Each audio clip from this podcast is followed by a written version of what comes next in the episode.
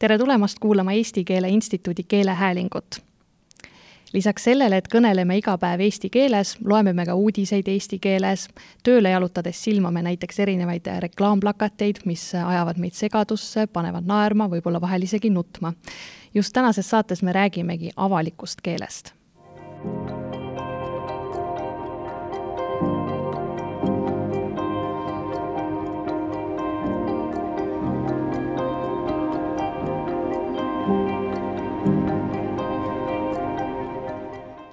mul on hea meel tervitada siin stuudios kahte ajakirjanikku, Eesti Ekspressi ajakirjanik Grete Lehepuu ja Eesti Päevalehe uuriva toimetuse ajakirjanik Martin Laine, tere tulemast! tere! tervist!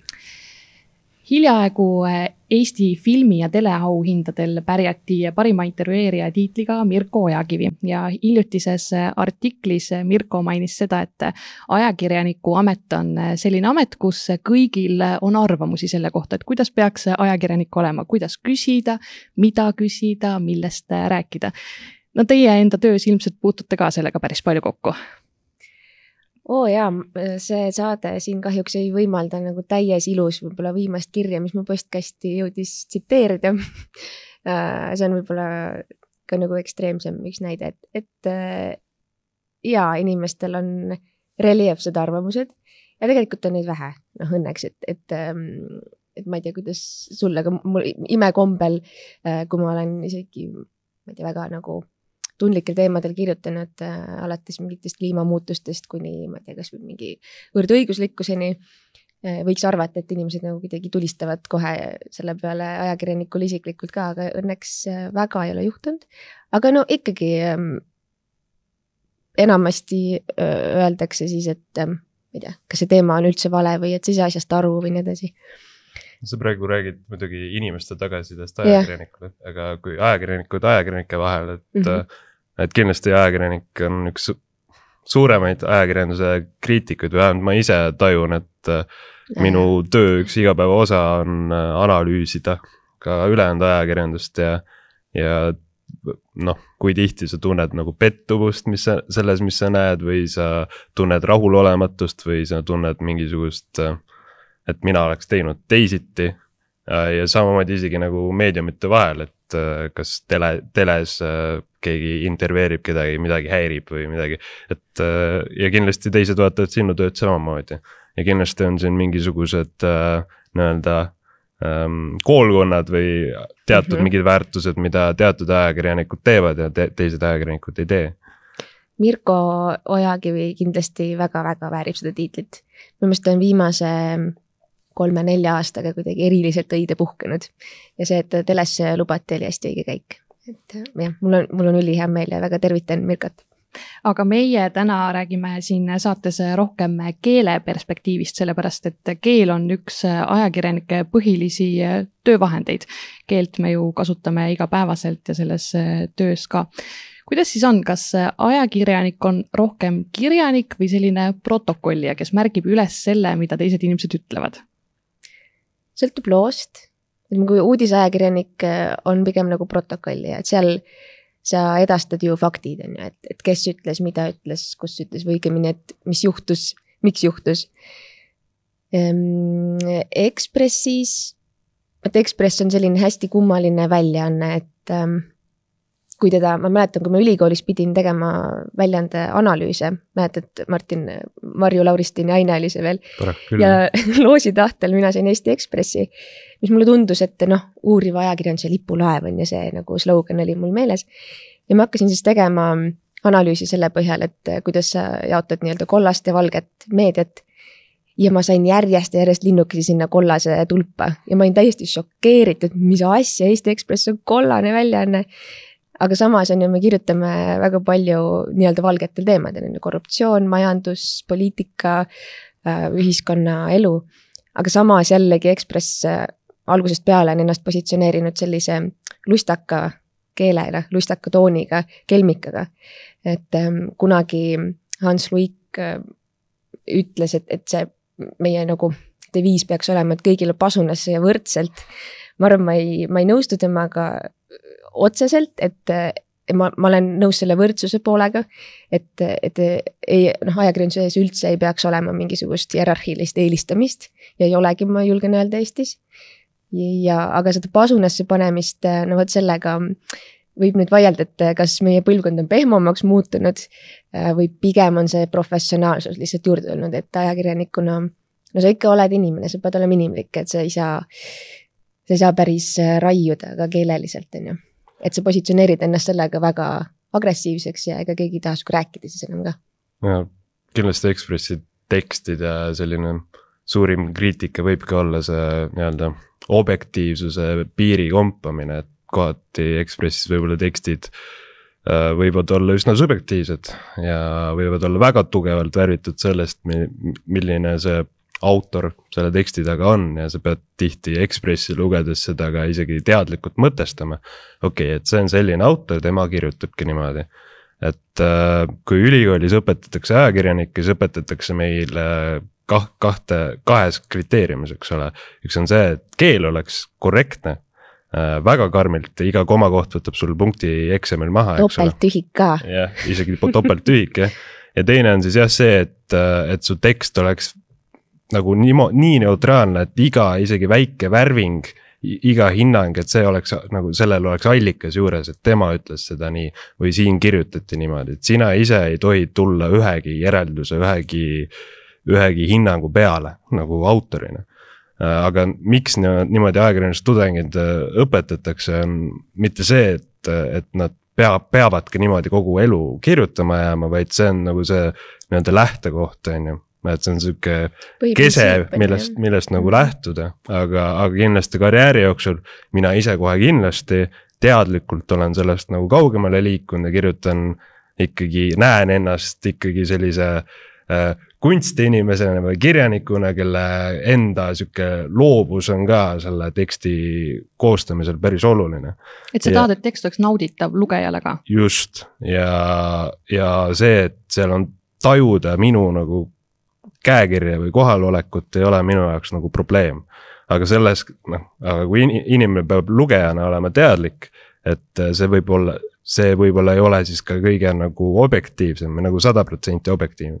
aga mina nagu üritan olla objektiivne mitte nagu keelelises mõttes või selles mõttes, et kui palju värvi või mida, mida on, vaid objektiivne selles mõttes sa pead olema sa ei pea olema neutraalne, sa pead olema aus, sa pead olema kõikide osapoolte vastu aus, aga keeleliselt minu meelest sa saad ikkagi mängida, et samamoodi me näeme mingi Reutersi mingisuguseid, noh, need, need kõige neutraalsema keelega ajakirjanikud ongi tihti need äh, mingid BNS-id, Reutersid mm -hmm., siuksed äh,. uudisteagentuurid. jah, uudised põhimõtteliselt uudistele, eks ole aga siis näedki, et Reuters kirjutab kuskil, et, äh, et meil siin Ukrainas on, on referendumid ja seal otsustati et, et üheksakümmend kaheksa protsenti toetab Venemaaga ühinemist et nii neutraalselt kirjutatud, et, et igasugune see kontekst on nagu lihtsalt ära kadunud nagu kogu selle teksti juurest. ehk siis isegi nagu sihuke nagu paaniline neutraalsus võib olla isegi kahjulik, nagu sa võid sellega, kui sa ei anna konteksti juurde, siis kui sa ei ütle, et nagu, et see olukord on ebaaus.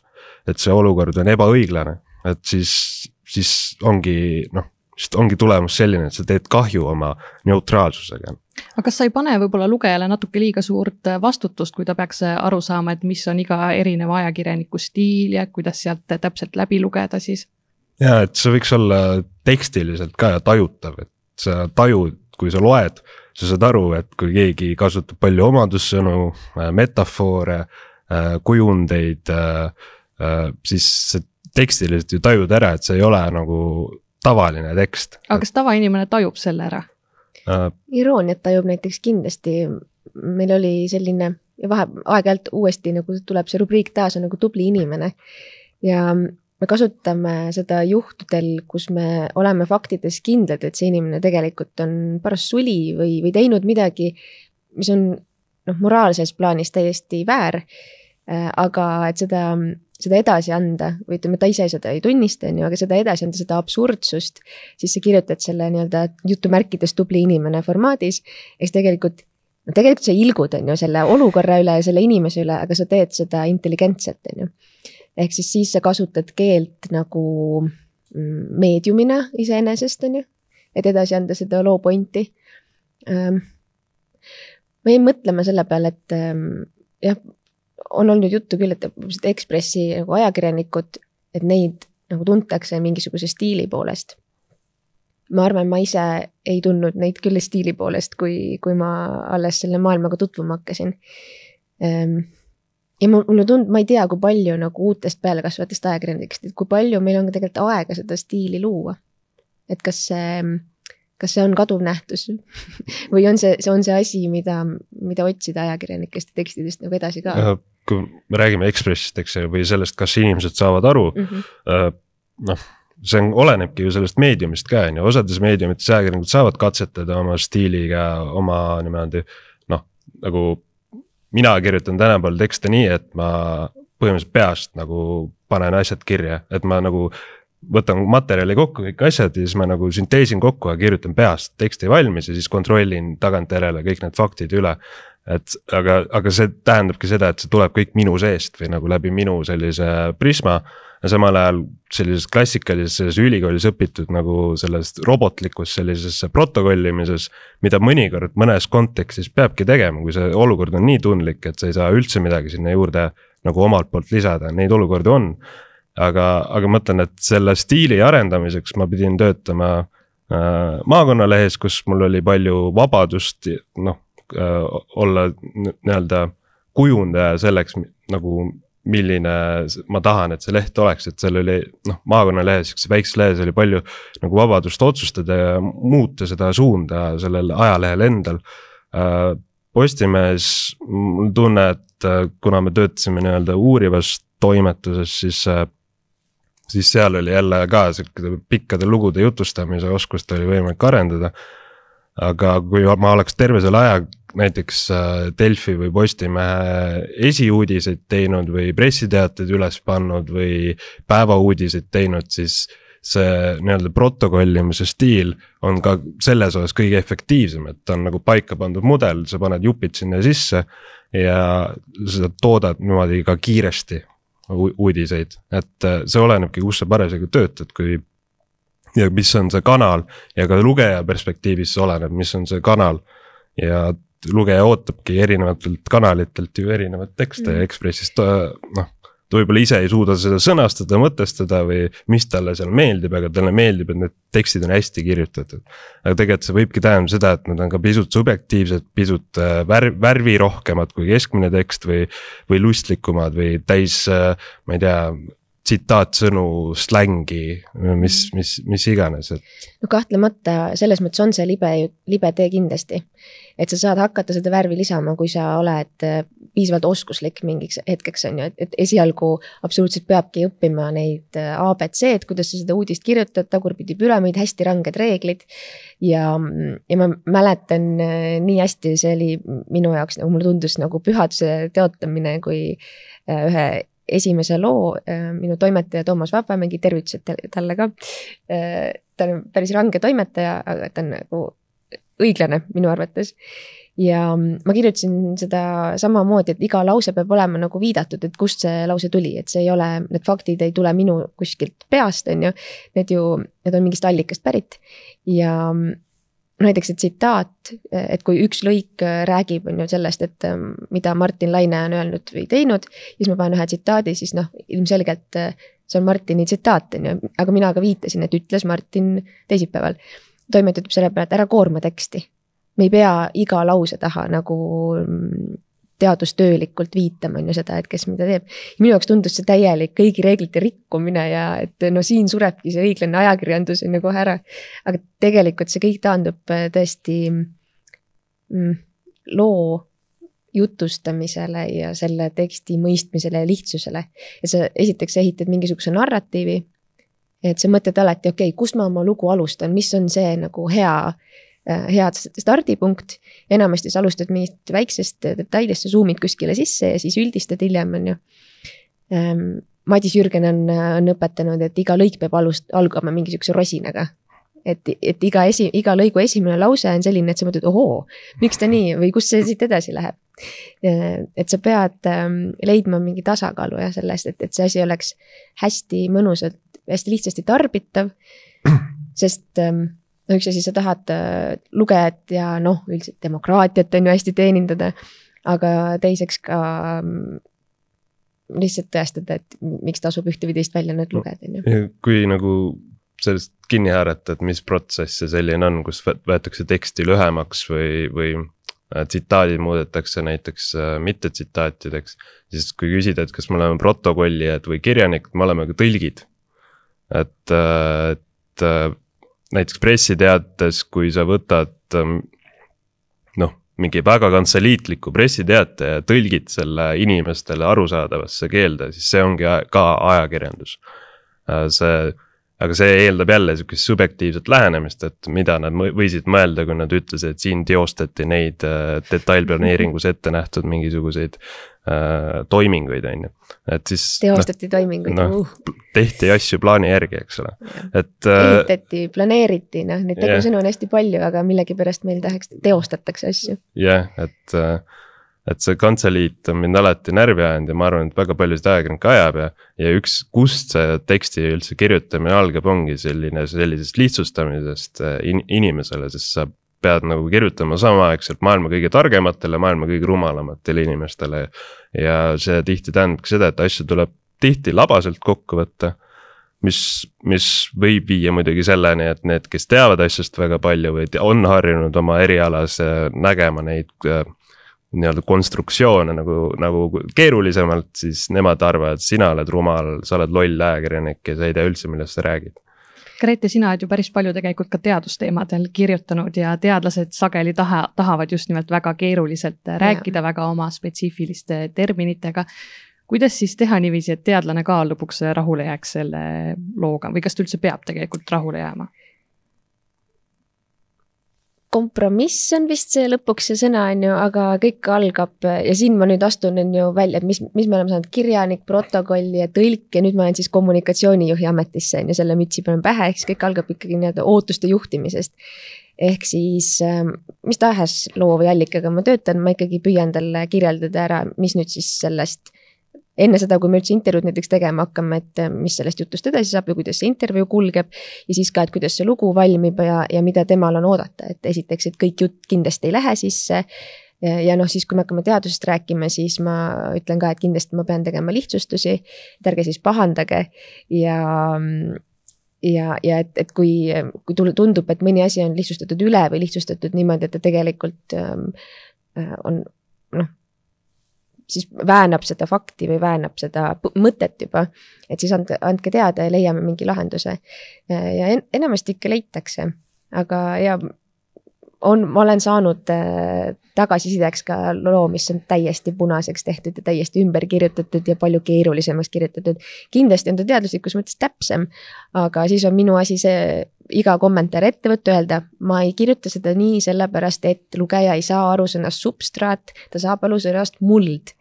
et see ei ole, äh, see ei ole nagu ärge kartke seda lihtsustamist, et mõelge, et inimene peab aru saama sellest, mida te ütlete talle. ta oma päevatoimingu keskelt tuleb lugema seda lugu. Ta ei ole absoluutselt varem mõelnud muldadele või substraatidele, et see, see, et me peame mingisuguseid nagu sümbolsõnu teinekord kasutama või märksõnu. Ja see mulla ja substraadi näide on tegelikult Marju Himmalt pärit, et tema äh,, ükskord ma mäletan äh,, kiskus karvu peast. Pidi maid jagama natuke selle, selle teemaga, tegelikult on, on need erinevad asjad, nõks, on ju, aga lugejale muld on muld. et nagu teadlased, no arstid vähemalt on ühed keerulisemad allikad, kellega koos töötada, sest nad täiesti nagu tahavad kõike kontrollida, tahavad kõike üle lugeda, tahavad kõike ära parandada ja see, et kui sul nagu saadad kellelegi teksti, mida mina teen väga harva, sest ma tean, kuidas see tavaliselt lõpeb.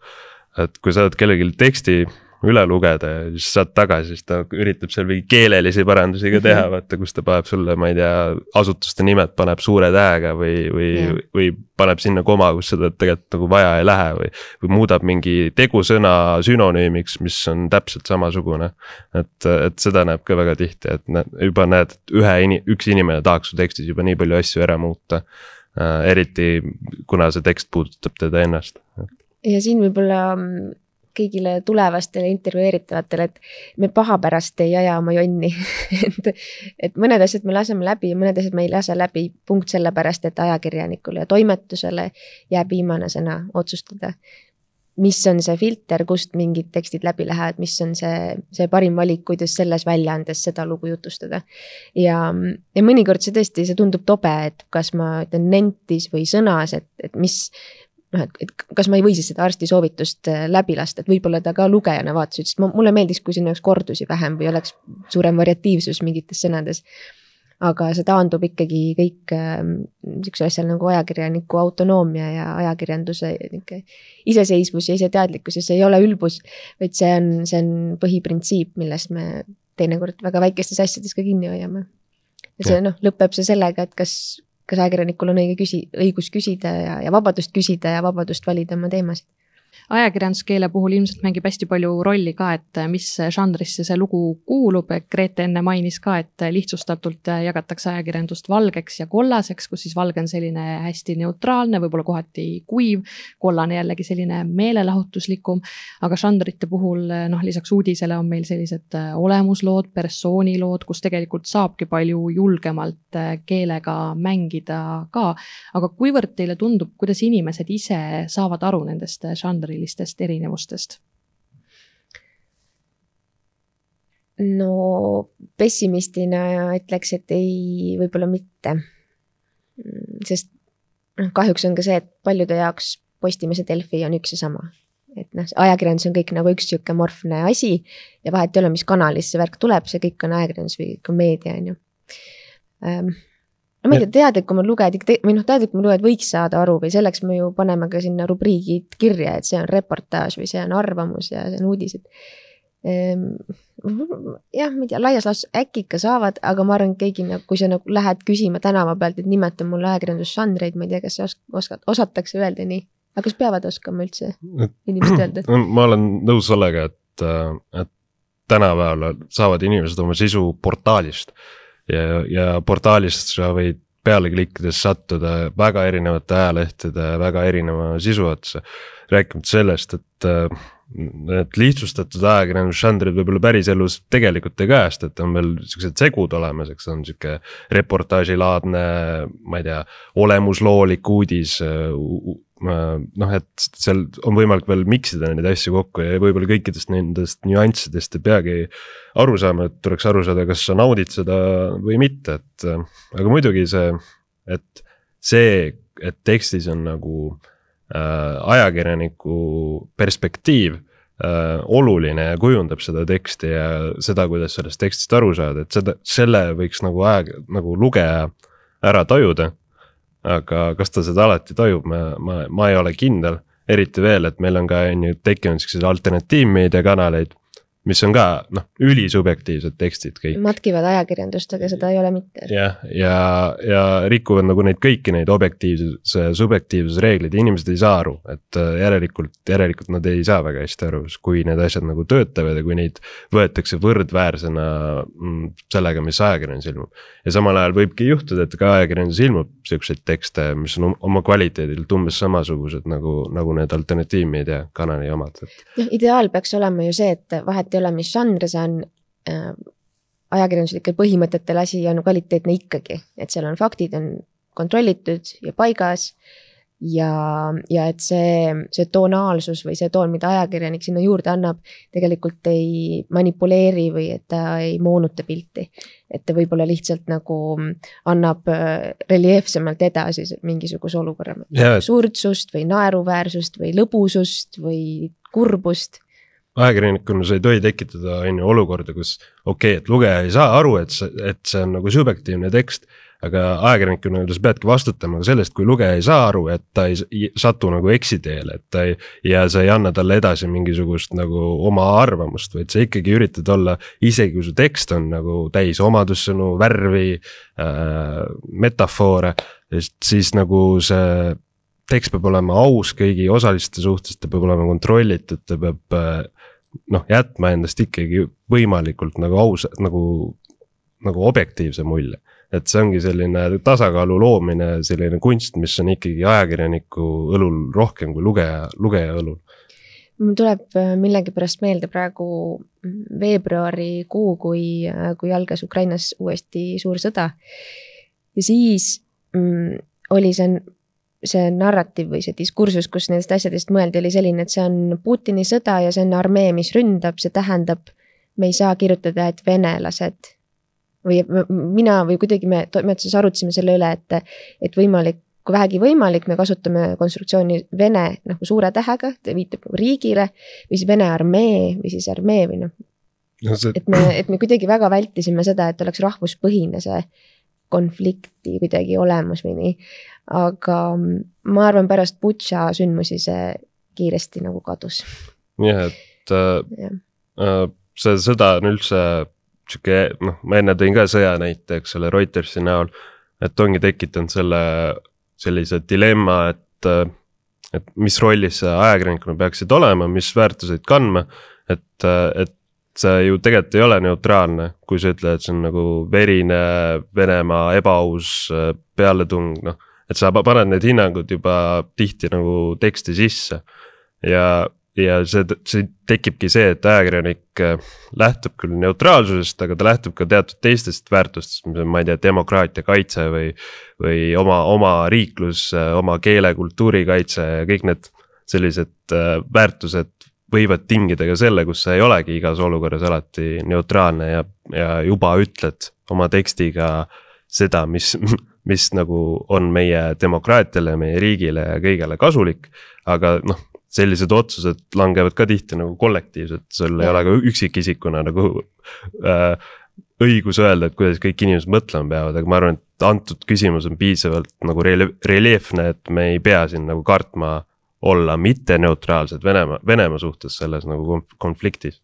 Ja, ja see süüdistus, millest ma alustasin intervjuus, et see, see sealt tuligi, et kas ma olen nagu USA tallalakkuja, aga neid sõnu päris ei kasutatud et mm. on ikka inimesi, kes kuidagi ärrituvad selle peale, et me, me oleme Ukraina poolt. ma üldse ei pelga seda välja öelda, Eesti ju on seda ja Eesti ajakirjandus ähm, kannab siin nagu hoopis teist rolli.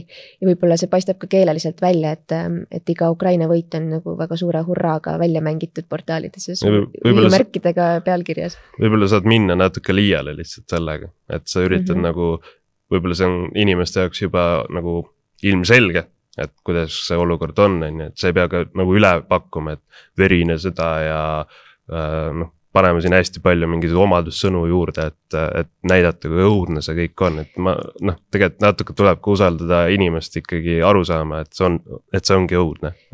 mulle tundub teinekord või võib-olla isegi alati, minu, minu jaoks vähemalt, ähm, et mida kohutavam on see sündmus, seda vähem sa tegelikult pead tegema mingisuguseid põimlauseid või keelelisi kukerpalle. et kui sa kirjeldad ähm, ma ei tea, kehavigastusi lihtsalt loeteluna, siis see on niivõrd julm ja jõhker juba, et meil endal hakkab igalühel see peas pilt äh, juba silme ette kujunema. et see ja, ja mingid lühilaused on ju või, või sellised asjad, et kui sa tahad hoida seda noh, seda sihukest raskust siis, siis ei olegi vaja väga, aga tegelikult see on ju ka keelevalik on ju, see on stiilivalik. Et siis ei ole vaja ise üldse värvi juurde anda aga räägime natuke teie lugudest ka, mida te teinud olete. on teil olnud selliseid lugusid, mille puhul te hästi hoolega valite, mis sõnu kasutada? no mina kirjutan kogu aeg noh, siukseid lugusid, mille peale keegi väga pahaseks saab, eks alati on üks nii-öelda osapool minu lugudes tihti, kes noh, konfliktlood, eks ju. Äh, kes äh, saab siis nagu selle looga ikka noh, see võib tema jaoks nagu olla elu, no elu jaoks, elus väga raske moment, et see lugu nagu ilmub ja. see toob talle väga palju ebameeldivat tähelepanu ja mida aeg edasi, seda rohkem on inimesed hakanud ka nagu äh, kohtusse kaebama, ehk siis äh, toome nende ametite, mis me siin oleme loetlenud, tõlk ja protokolli ja toome siia juurde ka advokaat. ehk siis sa pead olema ka kindel, et su tekst on nagu õiguslikult äh, äh, siis nagu kindel. ehk siis sa pead ka nagu sellele mõtlema, kui sa oma teksti koostad, et, et mingitest lausetest ei saadaks aru kuidagi nagu teistmoodi, mis võiks olla inkrimineeriv, liigselt inkrimineeriv sellele inimesele. Ja no, no hiljaaegu üks äh, ärimees äh, lendas meile hagihoiatusega peale, siis ma kirjutasin, et ta on selle valdkonna kroonimata kuningas. et äh, ja siis ta vaidles, et ei, ma ei ole selle valdkonna kroonimata kuningas. ja siis no ongi nagu reaalselt nagu me metafoori mhm. kaevab, kaevab nagu, annab nagu metafoorile mingisuguse tähenduse ise oma peas millist tähendust mina ei ole selle metafoori taga elu sees näinud see on metafoor esiteks, on ju, see juba ise ütleb, et, et see ongi sellise lahtisema tähendusega võib-olla kui mõni teine väljend.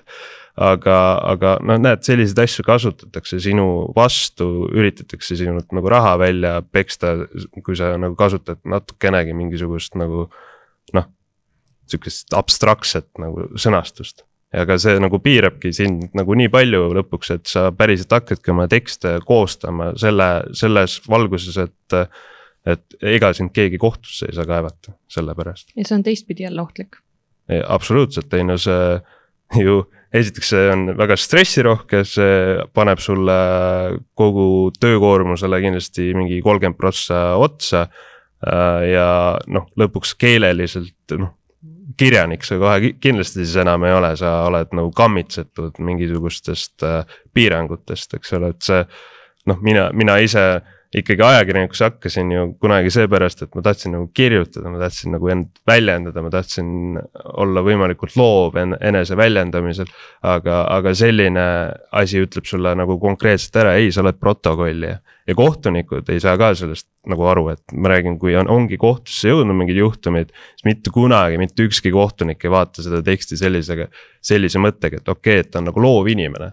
et ta kirjutas selle teksti nagu loov inimene, ei, nemad vaatavad ka seda umbes sellise, sellise pilguga, et ei, see on protokoll, et kõik, mis siin on, on väga otseselt täpselt nii nagu, nagu, nagu see, nagu mina seda mõistan. et ja nagu iga, iga inimene mõistab nii seda teksti, nii, nii see ka on, et mingeid nagu varjundeid või mingisuguseid asju nagu ei ole, et, et võetakse väga jäigalt seda teksti, kui sa kohtusse jõuad, see. see juba iseenesest äh, välistab selle, et sa saad olla nagu vaba oma, oma väljenduses, noh, noh. kahtlemata see ajab mind närvi ja see ei meeldi mulle, et seepärast ma seda ka mainin. aga, aga, aga ma olen täheldanud vähemalt enda jaoks, et see on ka nagu ma ei tea, võib-olla see majanduskriisiga kaob see ära, et inimestel on võib-olla liiga palju raha, et inimesi kohtusse kaevata, aga nagu nagu minu, minu jaoks hakkas mingi periood olema nii, kus ma pärast iga lugu sain mingisuguse hagihoiatuse, mingi viis, viis korda järjest nagu. ja väga tihti olid need seotud just nagu selliste, et mina arvan, et sina mõtlesid sellega seda, kui sa seda ütlesid, ei ole nagu mitte kunagi see, et sa kirjutasid, see on nii ja see oli vale, vaid, vaid see on nii, et sa kirjutasid nii ja mina arvan, et sa mõtlesid sellega seda ja selle, sellega tekib see olukord, kus inimesed võivad sellest asjast aru saada niimoodi. ja seetõttu on see vale, et nagu, et selliste asjadega inim-, nagu ajakirjanikke juba nagu pommitatakse nagu hagihoiatustega. oled sa kokku lugenud, mitu korda sind kohtusse on kaevatud? kohtusse kaevatud, see ei, mingi kolm-neli korda aga enne seda on nagu väga palju, palju võimalusi on ju, sa saad mingitelt advokaatidelt lihtsalt hoiatusi, sa võid saada pressinõukogu kaebuseid, sa võid saada lihtsalt kurja kirju, sa võid noh, mõni ajakirjanik, mõne ajakirjaniku, ma ei tea, auto peale kriibitakse Z-täht ja ähvardatakse isiklikult, et selles mõttes, et neid võimalusi on väga palju, et see kohtusse kaebamine pole ainuke nagu selline tagajärg. Grete, aga sinu lood, on sul ette tulnud selliseid seikasid? Mulle al alustuseks praegu meenus, mm, ma ei tea, Martin, kas sul tuleb meelde, mille eest Pealtnägija sai ähm, kohtus tegelikult kaotuse? Äh, kas see oli nii, et nad äh, kirjutasid, et Ukraina pätt, kasutasid mingit sellist sõna mingisuguse kurjategija kohta, milles noh, kõnekeeli pätt on nagu adekvaatne sünonüüm. kahtlemata tal on varjund, on ju, me halvustame inimest, keda, kellele me ütleme pätt ja minu meelest äh,, võin eksida muidugi selle konkreetse sõnaga, minu meelest see vaidlus käis selle üle, et kas sa võid nagu niimoodi rahvuspõhiselt umbes nagu paika panna kedagi. ja nad kahjuks kaotasid selle jah, samamoodi kohus hakkas, hakkas mingil põhjusel ikkagi nagu mustvalgelt nagu analüüsima, et, et mis on seal kirjas ja ei arvestanud selle loo konteksti või kogu, kogu no, nagu välja, väljendi kontekstis selles loos. just, et kas pätt tähendab seda, et sul on kriminaalkorras karistus, siin sa saad seda mõõta, et millal saab inimene pätiks, et mm -hmm. pätiks saab inimene siis, kui tal on kriminaalkorras karistus. mitte see, et võib-olla kõik, kõik, kes teda elus tunnevad, et ah, see vend on pätt et tegelikult on ju, pätt on ka nagu, sa võid tegelikult nagu tõlgendada seda ju erinevat moodi, aga vaata juures tõlgendatakse asju alati väga täpselt, et see on mõõdetav, et mis maalt saab inimene pätiks, pätiks saab siis, kui see paragrahv läheb käiku, eks ole. ja siin põrkub, on ju see, et mis, mis rolli ajakirjandus mängib ja kui on politsei uurimised või, või prokuratuur midagi uurib, nad saavad seda teha väga konkreetsete tõendite või noh, paragrahvide alu-, tõendite järgi, vaatavad, mis paragrahvi alla see asi läheb, kas saab üldse uurida või süüdistada. Ajakirjandusel on äh, ühiskonnas nagu mingi sellise moraalimajaka roll ju ka olemas, et me kirjeldame mingisuguseid olukordi, kirjeldame mingisuguseid äh, sündmuseid ja, ja laseme ühiskonnal lõpuks otsustada, kas ähm, kas see, kas me mõistame siis selle hukka või mitte. kas inimene, kes käitub, äh, küll ei riku ühtegi seadust, aga käitub täiesti ebamoraalselt, ebaviisakalt, ma ei tea, kasvõi vägivaldselt, on ju kas ta on siis pätt, on ju, või ei ole. et ajakirjandusel peab olema vabadus neid asju öelda. Äh, ja inimesed, kellel on palju võimu ja raha, kasutavad seda, äh, kasutavad ära seda siis sama keelelist vabadust on ju meie enda vastu, et, et hakkavad sealt kinni, hakkavad paragrahvi otsima. No lugu, mille puhul ähm, ma olen väga ette või noh, mitmed lood, mille, mille suhtes ma olen ettevaatlik, on tõesti, kui, kui kellelegi esitatakse süüdistusi, milles millel ei ole võib-olla, ma ei tea, paberilisi või dok-, dokumendilisi tõendusi. no näiteks on ju, kui tõesti ülemus on käitunud ahistavalt äh, oma alluvate suhtes, siis, äh, siis. Ähm, ärme keeruta, me räägime Aivar Mäest praegu et, äh, et sõna ahistamine näiteks, mida tähendab sõna ahistama mm, -hmm. kas see on see väärteomenetluses välja toodud see teguviis või ta on ikkagi see, kui inimene tunneb end ebamugavalt, kuidas temaga käitutakse ja tunneb, et see on ka seksuaalse alatooniga, et mm. -hmm. et minu meelest ahistamine on jälle väga sihuke lai mõiste. Aga, aga jällegi ko kohtus sa saad karistada selles, kui sa süüdistad kedagi ahistamises selle väärteomenetluse mõttes, mis on Eesti seadustesse kirjutatud, et mm, -hmm. et minu meelest ahistamine tegelikult võib ikkagi öelda väga paljude teguviiside kohta, mis iseenesest ei ole karistatav, aga lihtsalt võiks olla moraalselt nagu taunitav. seal oli küsimus jah siis, et kas, ähm, et me, me arutasime selle üle, kas ma saan kasutada sõnapaari seksuaalne ahistamine. Sest see on kriminaalkarist-, karistusseadustikus olemas nüüd mõni aasta juba täiesti eraldi paragrahvina. Ja oli ju teada, et sealt advokaatide turmtuld hakkab tulema ja, ja et see võib olla nagu asi, millest kuidagi hakatakse kinni, et äh, sa esitasid umbes süüdistuse, aga kui me nüüd võtame selle karistusseadustiku lahti, vaatame, mida sisaldab, äh, kuidas on siis sisustatud see paragrahv, kuidas seda kirjeldatakse, et kas siis tuleb ikka kuriteo koosseis kokku milles, et sa süüdistad inimest kuriteos, mille koosseis ei tule kokku. no vabandust, ajakirjanik ei olegi ju prokurör ja ajakirjaniku ülesanne ei olegi otsida kuriteo koosseise, vaid et kirjeldada ebaõiglust. nii nagu, ähm, nii nagu ta seda saab tõenditega teha. ja muidugi eri, erakordselt raske on, on ju olukorras, kus on sõna sõna vastu olukord. olgugi, et jah, selles loos ähm, miks me, miks me selle loo ju lõpuks avaldasime, oli see, et ähm, inimesi, kes kirjeldasid ahistavat käitumist, oli väga palju. ja mingi muster tekkis ja, ja selle pealt äh, saime selle loo kokku kirjutada. noh, jah, ma rääkisin paarikümne inimesega, lõpuks lugesin kokku, et loosse jõudsid sealt alla kümne episoodi, aga et ähm,, et kui, kui ja loomulikult ütleme siis nii-öelda need ohvrid või need, kes, kes tundsid ennast pahasti, kelle suhtes oli ülekohtselt käitutud. Ähm, mõned kasutasid väga värvikaid sõnu siis ma jälle pean mõtlema, et kas ma saan neid eetrisse nii-öelda lasta, on ju. mis on siis lõpuks toimetuse vastutus, et äh, et ma, asi võib nagu, ma ei tea, kas seda vaieldi või, või on see asi, mille meil ükskord advokaat välja tõi, et ja see on nüüd teise looga seoses, et kui ma ütlen kellegi kohta, et ta klähvis nagu koer, siis äh, kui see inimene hageb mind, kas ma pean seda siis tõestama, et ta haukus mu diktofoni et, et see asi läheb nagu, võib minna nii absurdseks, sellepärast et inimestel äh, on lihtsam, on, on rohkem julgust kohtusse pöörduda.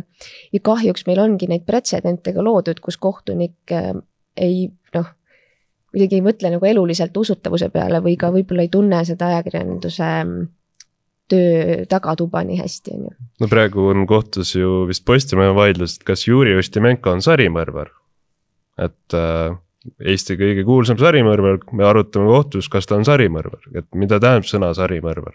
et kas, kas see, et kui ta ühe. kust hakkab sari või, et mitu hooaega on ju? ja et mm, -hmm. et nagu täiesti absurdne mingi sihukese semantika või nagu sellise sõna tähenduse üle vaide, vaielda kohtus.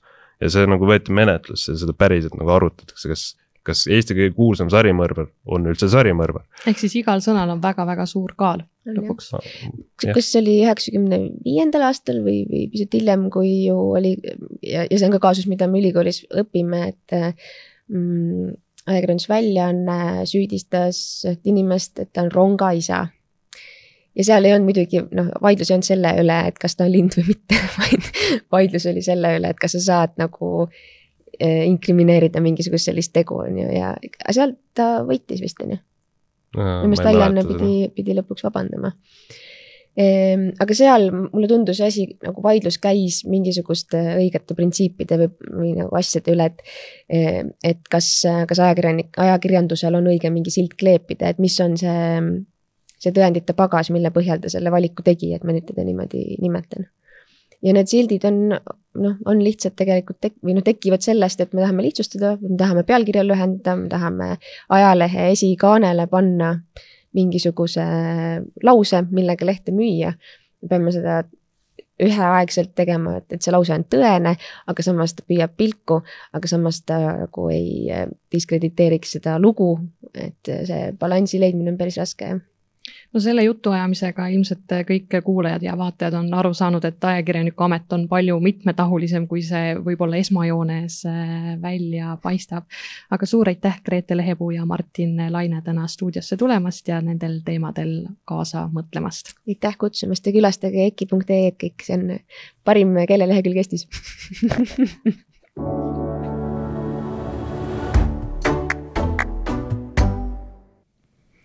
keelega me puutume iga päev kokku ka avalikus äh, ruumis ja nüüd me saamegi lähemalt äh, rääkida avaliku ruumi keelest ja selleks on mul äh, külla palutud kaks väga pika turunduskogemusega inimest. Eesti Keele Instituudi turundusjuht Kerli Tuisk ja loovagentuuri Salama üks asutajatest ja loovjuht Madis Ots, tere tulemast! tere! tere, Sandra, tere, Madis! Kuna te mõlemad olete päris pika kogemusega, siis äh, teil on äh, hea võimalus anda meile selline sissevaade üldse sellesse turundusmaailma ja kuidas käib äh, kampaaniate, sõnumite väljatöötamine. kui nüüd mõni asutus tahabki mingisugust sõnumit edastada ja ta tahab kampaaniat luua, siis kuidas see protsess tavaliselt välja käib, millest tuleb alustada? sellest, et me peame teadma, miks seda vaja on mis, mis see ülesanne on, mida me lahendame. et see on võib-olla kõige lihtsam ja lühem vastus. et kui seda ei ole, siis, siis nagu pole kuskilt minema hakata, et, et kampaaniaid ei saa teha nii, nagu, nagu koolis oli kirjand vabal teemal et, et meil on teema ees ja ülesanne, mida lahendada. ja võib-olla võiks siin ka tegelikult mainida seda, et üks asi on kampaania ja kui sa oled, äh, kui sul on piisavalt rahakest ja sa oled piisavalt edukas ettevõte, siis sa suudad endale palgata imeliselt hea agentuuri, nagu näiteks Salama, aga, aga turundus tegelikult on ju kõik see kokku, mida sa teed, ehk siis ka see, kuidas sa igapäevaselt oma klientidega räägid, mitte lihtsalt kampaania raames. nii et ma arvan, et kogu see keele teema äh, turunduses üldiselt nii-öelda imidži loomisel, mainekujundusel, et see, see on tegelikult nagu natukene, natukene laiem kui lihtsalt üks kampaania. absoluutselt keelest me saame hiljem lähemalt äh, rääkida ka, aga kui veel äh, rääkida, noh, kui me mõtlemegi nüüd kampaaniate peale näiteks konkreetsemalt, siis ilmselt on hästi oluline ka sihtrühm, kellele see kõik äh, suunatud on. ja erinevad sihtrühmad vajavad siis vastavalt erinevaid sõnumeid ka.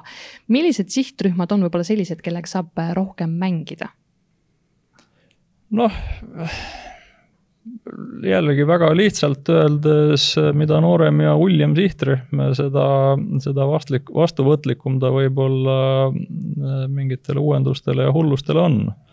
Äh, kuigi siit teiselt poolt tuleb jälle vastu võib-olla see sein, et, äh, et mitte just vanemad, vaid nooremad põlvkonnad on, on need, kes siis on ühel või teisel teemal jälle tundlikumad kui teised, aga, aga jah, laias plaanis see on jah nii, et, et kipub käima vanusega, aga mitte muidugi ainult, et, et tegelikult käib see ikkagi brändide kaupa, et, et sul on iga, igal brändil on mingisugune oma maailm oma inimestega.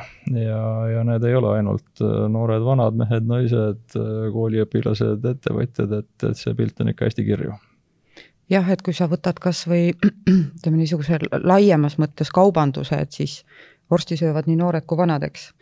et kuidas, et, et siin tulebki nagu mängu ilmselt see, mida nagu ka Madis mõtles, et et ma ei tea, kas vorst kui selline, kui toode üldse, noh, ma ei tea, noored inimesed võib-olla ütlevad, eks ju, et ma ei tea, nende hulgas on, on veganeid rohkem, ma nüüd siin ei taha jälle nüüd sõnadega eksida, sest ma tean, et see on ka väga tundlik teema. aga jah, et see on ka tõesti nagu natukene laiem, et, et, et väga keeruline on tõesti öelda, kui sa noh, ma ei tea, ma toon siin näiteks ütleme mõni niisugune eelkõige noortele suunatud bränd Äh, ma ei tea, Vans näiteks, noh, see ei ole küll Eesti näide, eks, aga siis me teame, et see tegelikult on elustiili bränd, see ongi noortele suunatud, mis tähendab, et kogu nende turunduskommunikatsioon on üles ehitatudki noh, suhteliselt kitsale sihtrühmale, eks. aga üldiselt jah, selliseid tooteid, mis ongi nagu väga kitsa sihtrühma tooteid, need tegelikult on ju neid vähe. noh, mis on jälle turundajatele suur väljakutse, sest sa pead korraga rääkima väga erinevas vanuses inimestega ja, ja see võibki keeruline olla, jah. toitumine oli selles mõttes ka hea näide, et mul sellega seoses meenus äh, ametivendadel ja õdedel äh,, headel konkurentidel juhtus selline asi, et nad pidid tegema telereklaami lihatoodetele äh,, kus pidi olema koer äh,. ja kõik oli juba kokku lepitud, sest noh, räägiti lihtsalt sellest, et mida koer peab tegema kaamera ees. aga siis, kui tuli välja, et lihatoode, siis omanik ütles, et ei, siis ma ei ole nõus. miks ta ei olnud nõus? sellepärast, et tema ei pooldanud liha söömist ja et siis ei tohi ka tema koer osaleda lihatoodete reklaamis.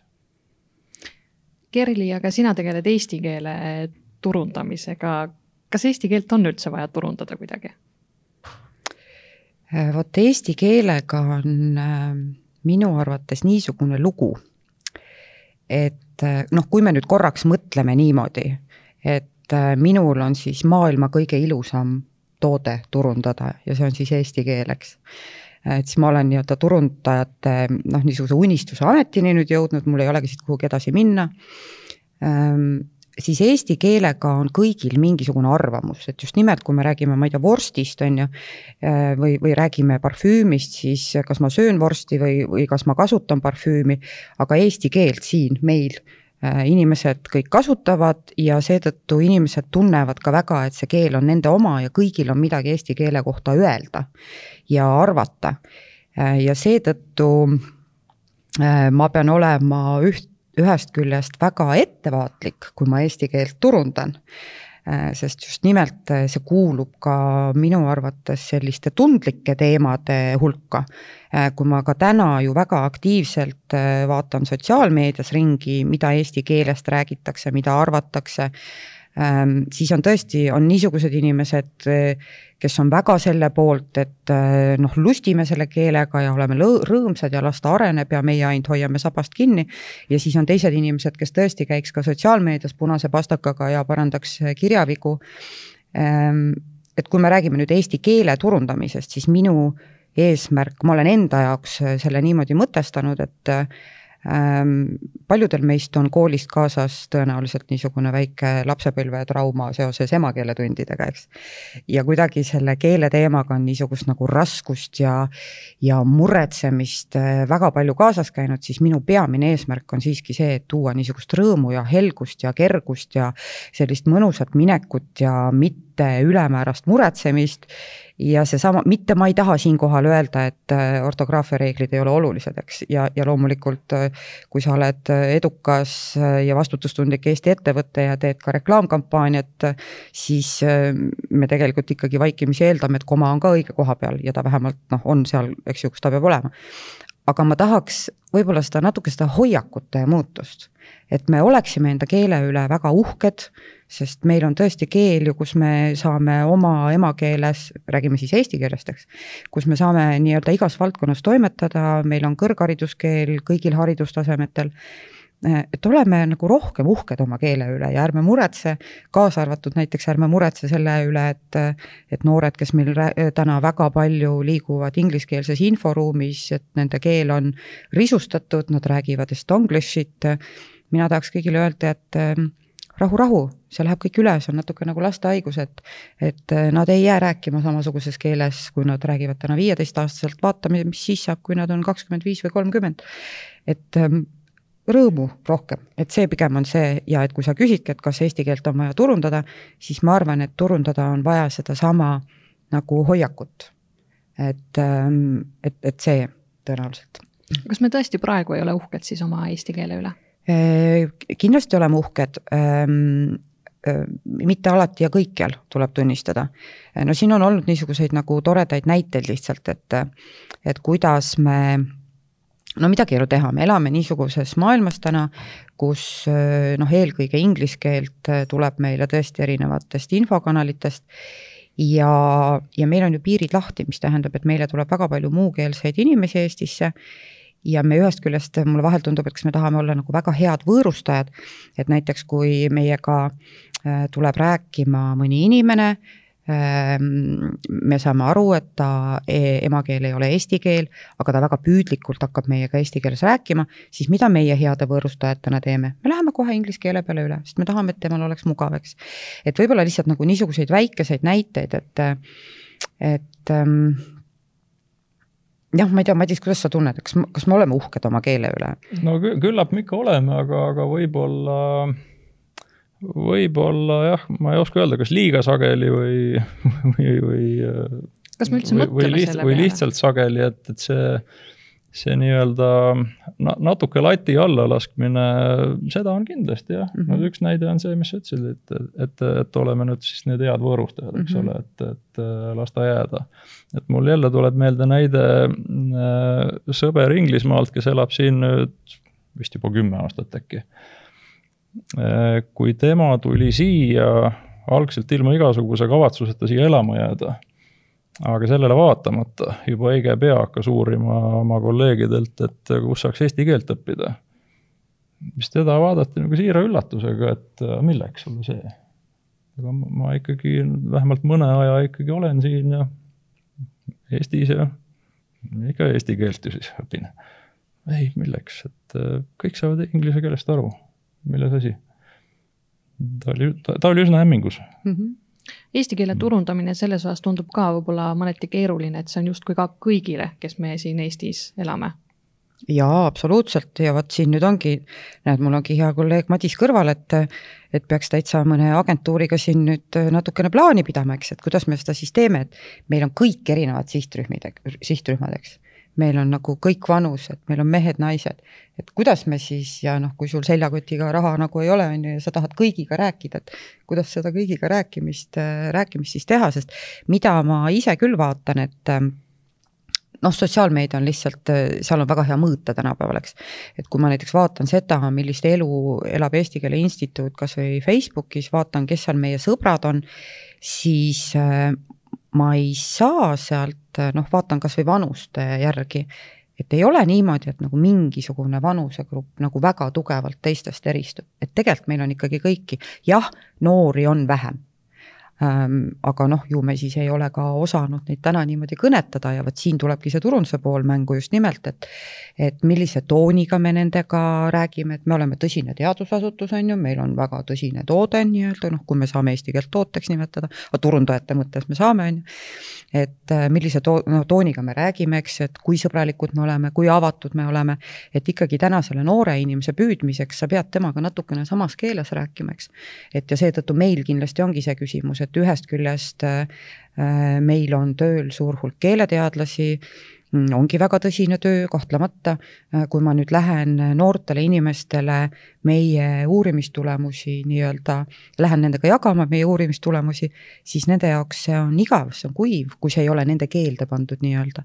ma ei räägi siin mitte ainult nagu lihtsustamisest, aga, aga noh, just seesama, et noh, tänapäeval, eks ju, pilt, tekst käivad koos, et noh, mis toone me siis kasutame, kas me kasutame tumesinist ja musta, sinimustvalget, on ju, või me paneme sinna roosa ja ma ei tea, lilla värvi, et kas ta mõjub tundub noortele teisiti kutsuvamalt, et noh, need on kõik need küsimused, millega turundajad ju tegelikult igapäevaselt vaeva näevadki. nii et ma arvan, et Madisel on siin täna ka hea võimalus kohe öelda, et noh, kuulge sõbrad, et kui te tahate eesti keelt turundada, siis vot võiks mõelda korra selle peale. on sul kohe anda häid soovitusi, et kuidas eesti keelt turundada siis? ei ole, sest et, sest et siin võti ongi selles, et, et sihtrühm on kõik, kes eesti keelt räägivad ja, ja mitte ainult. Et, et see on ikkagi äh, nii lai teema, et, et siin peabki sihtrühmade kaupa lihtsalt äh, selle asja jupideks võtma ja, ja vaatama, et kus siit king kõige rohkem pigistab. ja, ja siis hakata vaatama, mida selle kõigega ette võtta. aga, aga tõsi, on ka selliseid ettevõtmisi Äh, mis kas on või oleksid olnud eesti keele turundamine väga laias mõttes, mul on näiteks erinevalt äh, nüüd äh, nendest euromüntidest, mis meil kõigil taskus on, mul on kõigist nendest kandidaatidest, kui see konkurss käis, et milline see Eesti tagakülg siis on sellel mündil, mulle ainsana meelde jäänud see, kus olid täpitähed. et et äh, kui näiteks sellised ringleksid maailmas, siis see oleks väga huvitav eesti keele turundamine, aga mitte ainult maailmas, vaid Eestis endas ka. et, et täiesti sihtrühmade ülene. Ja mis on minu hinnangul veel selline ähm, teema, mille peale me võib-olla ei ole ka liiga palju mõelnud ähm,. Eesti keele arengukavas sai esimest korda niisuguse ütleme, seal on kolm põhi nii-öelda nagu punkti või eesmärki, millega me tegeleme. ja esimene nendest on eesti keele maine. ja nüüd, kui me räägime, vot see on nüüd tõesti niisugune turundajatele äh, väga intrigeeriv ja põnev teema, et kui me räägime eesti keele mainest, et kas me siis saame näiteks öelda, et minul eesti keele turundajana ähm, noh, et, et mis need tegevused on, et mina hakkan nüüd eesti keele mainet kuidagi tõstma või parandama. see ei saa mitte kuidagi nii olla eesti keele mainet äh, me tõstame ja parandame kõik koos. et noh, siis siin ongi see, et, et ütleme jah, mina ütleme eesti keele instituudi turundusjuhina mul saab olla võib-olla mingisugune selline keskne koordineeriv roll, aga ma täna ütlen, et äh, viimaste aastate üks kõige paremaid eesti keele turundajaid nagu grupina on tõenäoliselt räpparid näiteks, kes on kindlasti, ütleme, noorte inimeste jõudmiseni noh, sihtrühma mõttes, eks Äh, on nagu väga kõvad tegijad. kahtlemata, jah. jah, et ühesõnaga jah, et siin tõenäoliselt ei ole ikkagi niimoodi, et, et Eesti Keele Instituut hakkab nüüd tegema eesti keele turundust ja, ja parandama eesti keele mainet. noh, kahtlemata ma tahan kohe ära öelda, et minu hinnangul ei ole eesti keele mainega mitte midagi halvasti. Eesti keele vaimne ja füüsiline tervis on äh, imeline ja, ja, ja soovin talle pikki aastaid, et aga jah, et kõik need maineteemad seal eesti keele ümber ka, noh, see on seesama uhkuse küsimus, on ju, nii et, et see on üks väga, väga, väga põnev, väga põnev valdkond. Madis, aga sina oled äh, koostööd teinud ka erakondadega ja valimised on õige pea ukse ees ootamas, järgmise aasta kevadel Riigikogu valimised toimuvad. poliitkampaaniad tunduvad täiesti omaette žanr, mulle vähemalt, kes ma ei ole selles valdkonnas sees ja näiteks mingisugused loosungid on aastatetagusest ajast ikka veel meelde jäänud, noh näiteks ilmselt kõige tuntum on viie rikkama riigi hulka, plats puhtaks, teeme teisiti. Kuidas see poliitkampaania väljatöötamine käib ja nende sõnumite väljamõtlemine? noh, väga laias plaanis äh, ta ei erine äh, muudest valdkondadest, et ikkagi äh, sul on see nii-öelda toode suur vahe on selles, et, et poliitkampaanias selle toote taga on päris inimesed. et mitte, mitte toode, mis on riiulil või teenus, mis on sul ekraanil näiteks. Et, et selles mõttes on ta muidugi teisiti, et, et see läheb reklaamitava seisukohast nagu väga-väga sügavale isiklikku ruumi see, mida poliitkampaaniates tehakse. aga muus osas jah, mul ei ole selles mõttes mingisuguseid põnevaid üllatusi äh, siin praegu varuks, et tegelikult on täpselt samamoodi nagu igal pool mujal, et, et sul on see konkurentsi situatsioon, millest sa pead aru saama, see ülesanne, mis sa pead lahendama, see probleem, mis sa pead lahendama ja, ja siis nii ongi. et, et selge see, et äh, kuna selle nii-öelda to toote omapära on, on selline, et need loosungid äh, erinevad mõnest teisest valdkonnast, aga noh, nii, nii saab iga valdkonna kohta öelda, et, et väike oma maailm, õlle, õllereklaamid ja poliitika ja eesti keel, et äh, et äh, peabki, peabki olema vastavalt sellele, mida sa reklaamid. kuule, aga kas seal ei ole see, et äh, ma ei tea, et, et kõige parem on, kui on kaks sõna äh, nagu sloganis ja niisugused maksimaalselt viietähelised et noh, see plats, plats puhtaks, et siis jah, jah, et plats puhtaks, et mis, mis lubadus see tegelikult on või mis sõnum on, et seal mulle tundub, et nagu see keele nagu koht on tegelikult ikka päris oluline. on, on, loomulikult on väga oluline ja sõltub kontekstist, et äh, mis oli, mis ta nüüd siis suurusjärgus kakskümmend viis aastat tagasi plats puhtaks oli üks olukord, nüüd oli hoopis mm -hmm. teine. et, et, et sõltus jah, mida sellega siis öelda taheti, mida nüüd aga, aga jällegi, et see on tegelikult valdkondadeülene, et äh, kui sa saad oma asjad öelda lühidalt mm -hmm. ja mhm. selgelt, äh, siis on see igal juhul parem, kui pikalt heietama jääda, noh, reeglina mm. -hmm. ja võib nimetada niisugust äh, noh, kas nüüd rusikareeglit või kuldreeglit, aga, aga üldiselt jah, on see, et et ega ühes kampaania sloganis üle nelja sõna pigem ei peaks panema mm. -hmm. aga noh, on ka neid, kus seda on, et aga see kehti, ikka, ikka on kõik väga hästi. aga kas see ei kehti ka nagu, et kui me mõtleme lihtsalt turundajatena selle nii-öelda selle pinna peal, et üks on meil sõnum, on ju mm, -hmm. ja teine asi on see, et kus me seda sõnumit esitleme, et kui meil on välimeedia kuus korda kolm plakat Pirita tee ääres, siis me saame aru, et plats puhtaks on hea, on ju. aga samas äh, sotsiaalmeedias, et, et kuidas see lugude jutustamise pool, et tegelikult täna tahavad inimesed ju lugusid, on ju. no see on üks lakkamatu protsess, et, et sotsiaalmeedias, kui me räägime valimiskampaaniatest, et siis ju päevad läbi kõik aina räägivad oma lugusid et. seal tuleb ikka koerad võtta ja lapsed ja nii, eks ju. no igasuguseid asju tuleb ja, võtta. jah, jah, jah, jah aga miks on niiviisi, et mõni äh, selline lööklause jääb inimestele meelde ja teine mitte, näiteks see viie rikkama riigi hulka, see oli, ma ei, isegi ei tea, mitu aastat tagasi, aga see oli ikka päris ammu, aga siiamaani mm -hmm. alati meenutatakse seda. no neid põhjusi on erinevaid, et äh, selle viie rikkama riigi hulka ma arvan, et äh, siin on võib-olla kaks põhjust, et äh, miks ta, miks ta jäi kõlama omal ajal, oli see, et, äh, et ta seadiski väga uhke ja ambitsioonika eesmärgi, keegi polnud äh, niimoodi varem öelnud.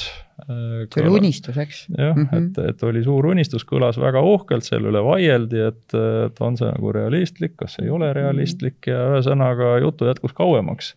et siis oli see nüüd, kus on palju aastaid mööda läinud ja on selgunud, et me ei ole viie rikkama riigi hulgas, siis noh, oponentidel äh, on seda hoopis toredam tsiteerida.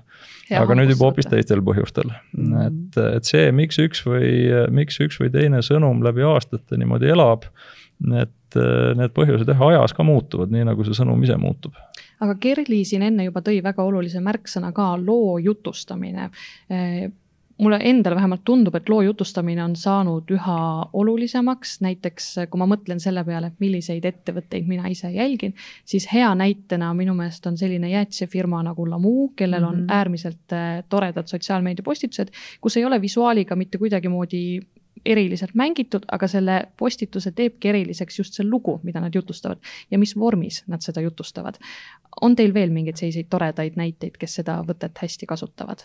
no mina tegelikult tõmbaksin selle loo asja palju laiemaks, et üks asi on lugu, millel on algus, keskkoht ja lõpp ja, ja mis on kirjas ja mida me siis näiteks Facebookist loeme. et, et vot, et äge postitus või, või äge reklaam või või midagi sellist, aga, aga see loo jutustamine on veel olulisem ikkagi laiemas plaanis. et äh, mille eest äh, see bränd laiemas plaanis seisab. mis lugu ta räägib äh, niimoodi, et, et me unustame ära need üksikaktsioonid, vaid mis lugu ta räägib kõikide oma tegevustega kokku. mida ta endast kujutab, kelle jaoks ta oluline on, mis siis katki oleks, kui teda maailmas ei eksisteeriks et äh, milles tema see olemasolu põhjus seisneb? no mis on mõni selline bränd, kes teeb seda hästi, keda näiteks tuua? no aga näiteks Lamu teebki, et, et selles mõttes see oli niipidi ka hea näide. ja no niimoodi paugu pealt on jube raske öelda, aga kokkuvõttes kõik suured ja tuntud brändid ei saaks olla suured ja tuntud, kui nad seda ei valdaks. jah, ja teine küsimus ilmselt ongi see, et seda muidugi praeguse, praegusel või ütleme, tänasel päeval võib-olla nagu väga vale öelda, aga ma teen seda siiski. mina julgen väita, et inimesed täna ei osta hinda, väga palju oleneb ehk siis me vaatame sellist nagu elustiili brände, et milline bränd nagu minu eluga kõige paremini kokku sobitub. et me teame kõik, eks, et äh, täna järjest rohkem tõesti vaadatakse, et ma ei tea, noh, ostetakse vot äkki sa nüüd aitad mulle meenutada, see Tartu ettevõte, kes teeb neid jalanõusid, kus on autorehvidest tallad. Kiira. jah, just Kiira piinlik lugu sellepärast, et mul on endal Kiira jalanõusid kaks paari ähm,. näed, nimi ei tule meelde, mis tähendab siis, et kehv turundus või, aga et ühesõnaga, et ma panen ka ise tähele, et inimesed ikkagi jälgivad tõesti seda, et see nagu sobiks kuidagi minu ellu et tõesti, et kas mul siis, äh, ma vaatan, et kui sotsiaalselt vastutustundlikud nad on, eks, kuidas nad nii-öelda ühiskonda nagu kuidagi tagasi panustavad, eks. või mingisugune, ma ei tea, äh, keskkonnasõbralik äh, tootmine, kõik niisugused asjad, et. et võib-olla seda on, noh, miks ma ka ütlesin, võib-olla seda ei ole täna kõige parem öelda, et me saame väga hästi aru, et me elamegi täna noh, ühest kriisist teise kriisi ja. ja mingisugune osa inimestest ja suur osa inimestest täna on nii-öelda sunnitud ka hinda ostma, eks. aga kui sellest lugude jutustamisest rääkida just nimelt, et siis seesama, et turundus ei ole täna mitte uudiskiri või sooduspakkumine või Facebooki reklaam, et see tegelikult on nagu kõik kokku, kuidas su bränd on üles ehitatud ja miks ma enne äh, noh, see nüüd ei ole see Eesti näide, aga, aga mul on endal kaks poega ja ma lihtsalt olen väga palju elus pidanud Vansi asju ostma. ja siis mul ühel hetkel hakkaski tunduma, et mis asi selle nagu Vansiga on. ja neil on imeline lugu ja, ja see lugu on tõesti see, et see ei ole see, see ettevõte ei ole sündinud mitte sellest, et keegi otsustas, et äh, ma teen sellise toote ja siis küll ma panen teid kõiki seda toodet ostma, eks. vaid lihtsalt kaks noort kutti sõitsid ise rulaga hommikust õhtuni ja said aru, et neil üks toss lihtsalt kulub nagu noh, nii palju kiiremini ära ja sellest nad olid esimesed põhimõtteliselt maailmas minu teada, kes hakkasid müüma üksikult jalanõusid. et noh, ja, ja sealt edasi nad ongi läinud, et nagu kõik see noh, nüüd on see ring muidugi suurenenud tõesti, et seal trikiratturid ja, ja, ja surfarid ja, ja ühesõnaga noh, niisugune natukene noorte ekstreemsportlaste maailm. aga nad räägivad seda lugu ise nagu väga inspireerivalt, nad ise väga usuvad sellesse. ja, ja minu arust nagu see ongi see nagu see inspiratsioon ja usk ja, ja see on turunduse juures täna nagu nagu olulisem, kui ta varem on olnud. jah, et see ei tähenda, et on ka üks, üks või teine, et, et need üksikud tegevused, see üksik äh, sotsiaalmeedia postitus või väike bänner kuskil, et need on ka väga tähtsal kohal, need on lihtsalt osa mingist suuremast puslest, et et maailma üks äh, tuntumaid äh, sotsiaalmeedia turundajaid, Gary Vee, ühel esinemisel võttis oma Nike'i tossu jalast ära ja küsis, et mis te arvate, miks ma selle ostsin et ma ei ostnud seda sellepärast, et äh, täpselt õigetel hetkedel, täpselt õigetel mm -hmm. veebilehtedel äh, tabati mind täpselt õige sõnastusega bänneriga mm. -hmm. ja siis ma vaatasin, et ah sa kui äge on ju, et, äh, et kuigi tema kui sotsiaalmeedia turunduskuru täielik, mhm. eks ole, peaks ju väga kõrgelt hindama just seda, et on Õige väga täpselt sihitud, väga täpselt mõõdetav kõik. ja siis ei, et ma ostsin selle sellepärast et äh, ma olen eluaeg vaadanud, mida nad teevad, kuidas nad teevad, juba lapsena, kui ma ei saanud endale lubada sellist ossu, ma vaatasin, et issand, kui lahe. et, et see on kõik see mm. -hmm. ja ka see, kuidas, kui me tänase teema keskmesse korra tuleme, siis ka see, et kuidas see bränd millega sul siis mingisugune suhe on, kuidas ta näiteks keelt kasutab mm. -hmm. kas ta teeb seda kuidagi lohakalt ja hoolimatult, samas kui sinu jaoks on see väga tähtis või siis mitte.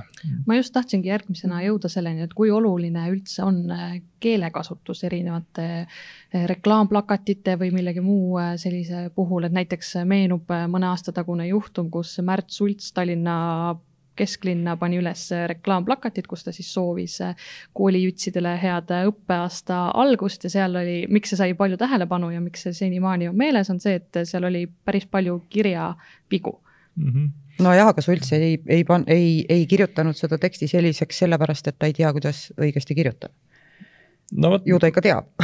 Mina ei mäleta, milline see oli ja, ja miks ja kuidas ta seda just nii kirjutas, et, et ma ei oska öelda. aga, aga selge see, et see on väga tähtis.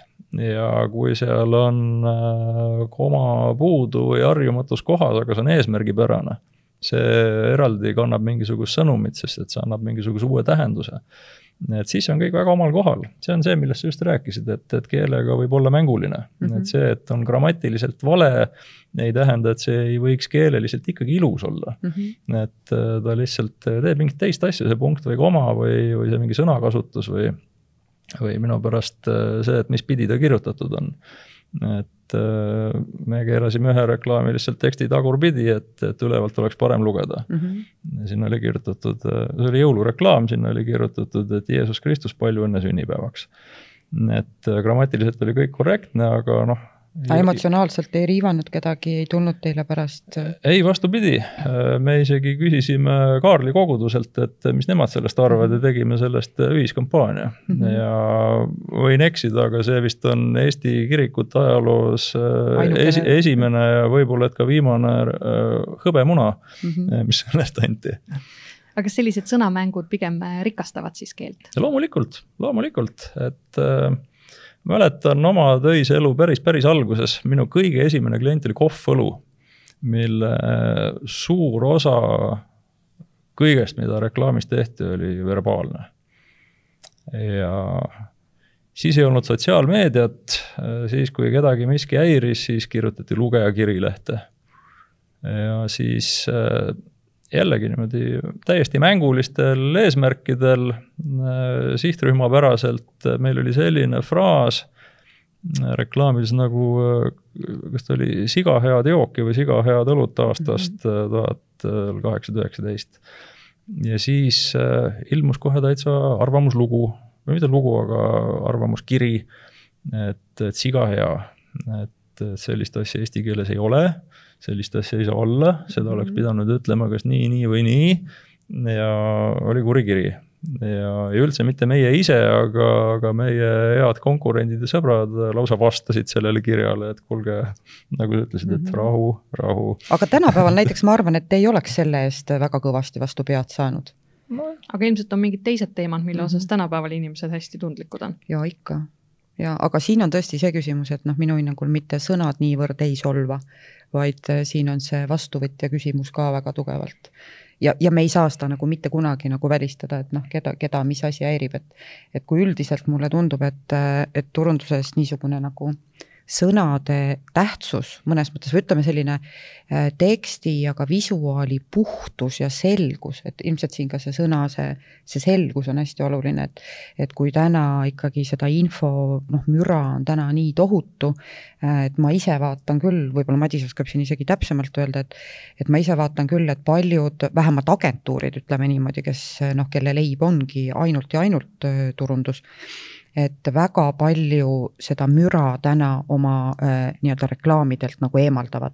et sul ongi, sul on nagu värvi mõttes, et sa oled, ma ei tea, et sul on üks värv, see on hästi puhas, see on helge äh, ja sul on suured tekstid, et, et see aeg, kus, et ma ei tea, et mul on äh, A3 plakat, et ma panen kõik kirja sinna, mis ma vähegi arvan, et see aeg on ikkagi möödas, et nagu kogu turundus ja sõnumite loomine läheb ikka hästi sellise selguse poole vist. üldjoontes muidugi, sest et inimene, inimene inimene peab vastu võtma, kas ta sellest aru saab või mitte, tuhandeid ja tuhandeid turundussõnumeid päevas mm. -hmm. ja selge see, et, et selgus ja konkreetsus ikkagi aitab kaasa. see A3 plakat, mis on tihedalt täis kirjutatud, see võib olla väga omal kohal. kultuurimaja seinal äkki või? ma ei tea, WC kabiini siseküljel, noh. Et, et kui ta on seal, kus, kus ta on asjakohane ja inimene saab sellega läbi lugeda, siis äh, väga tore.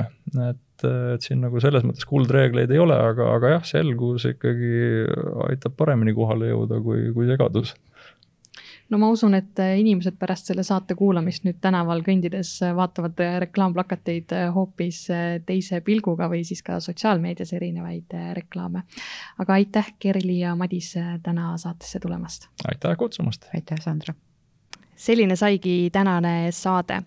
aga iga saate lõpus küsime teilt ka, head kuulajad ja vaatajad, ühe küsimuse, millega saate siis kaasa nuputada ja mõelda, mis võis olla õige vastus. ja eelmises saates tahtsimegi teilt teada, mis oli eelmise sajandi esimeses pooles sõnastikes silma ava kõrval pupilli teiseks tähenduseks märgitud.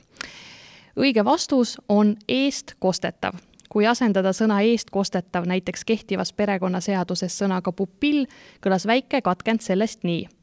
eestkostja ei või pupilli nimel kohtu eelneva nõusolekuta käsutada pupillile kuuluvat kinnisasja või kinnisaja õigust.